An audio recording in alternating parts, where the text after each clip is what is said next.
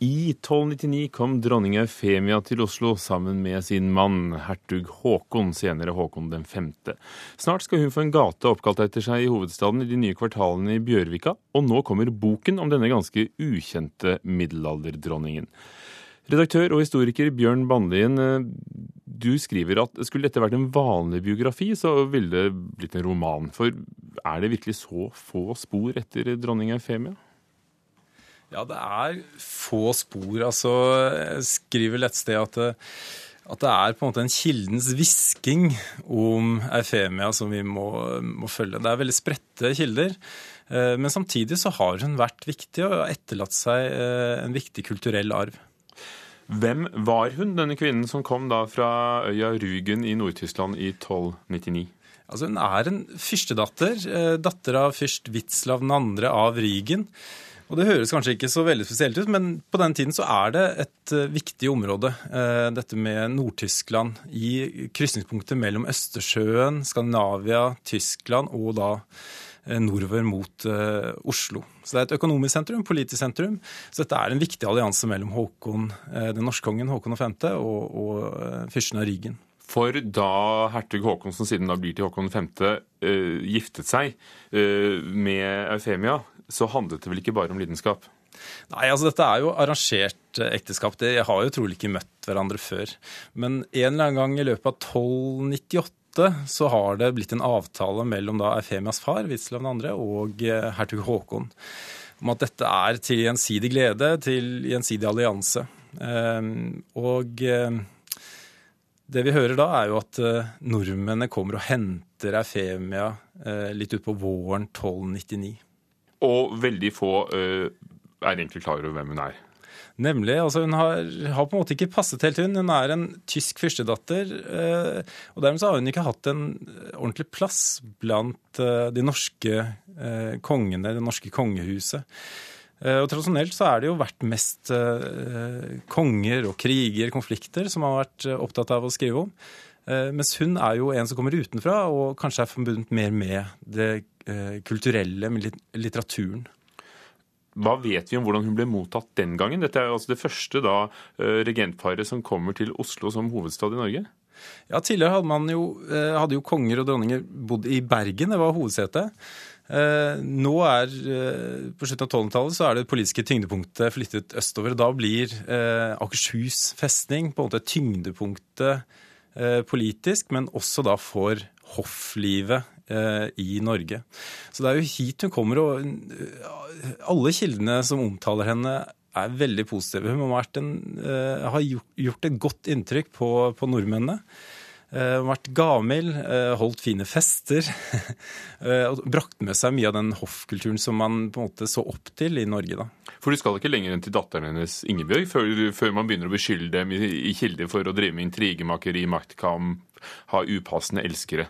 Ja, ikke sant? Altså, Femia er et interessant eksempel på en, som, en kvinne som makter å gjøre seg populær. altså på en måte eh, lykkes i å spille den rollen som en populær dronning. Mens datteren eh, etter hvert når hun vokser opp, eh, så lykkes ikke hun i like stor grad. Det blir på en måte skjøvet litt ut av, eh, av eh, politikken og makten og, og hofflivet. Men hva slags Norge er det hun kommer til? Det må jo ha vært litt av en sjokk for en fyrstedatter fra, fra Nord-Tyskland å komme til Oslo i 1299? Eh, det kan det nok ha vært, ja. Altså, hun var jo vant trolig da til, til hofflivet og flotte fester og kontakt med, med eh, tysk-romerske keiseren osv.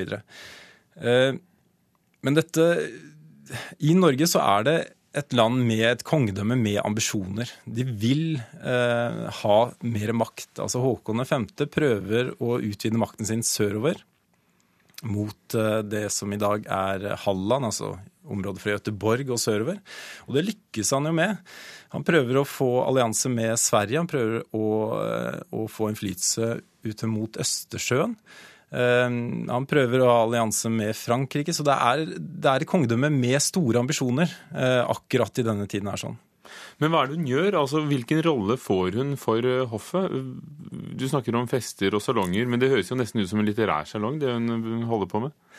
Ja, altså eh, Hun fyller jo på en måte den hva skal jeg si, klisjeen om, eh, om en eh, middelalderprinsesse eller middelalderdronning som, som, holder disse festene. Men samtidig så hun viktig, spiller hun en viktig rolle ved siden av kongen.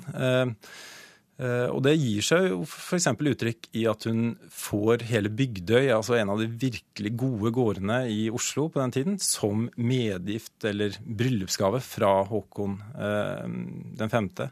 Som gjør at hun får en sånn økonomisk selvstendighet. Eh, det at hun kan ha sine egne hoffdamer eller tjenerskap og på en måte styre husholdningen på Akershus, Akershus slott og inngå vennskap selv, og kanskje da være med og, og drive fram nye allianser når det gjelder da eh, bortgiftingen av datteren Ingebjørg.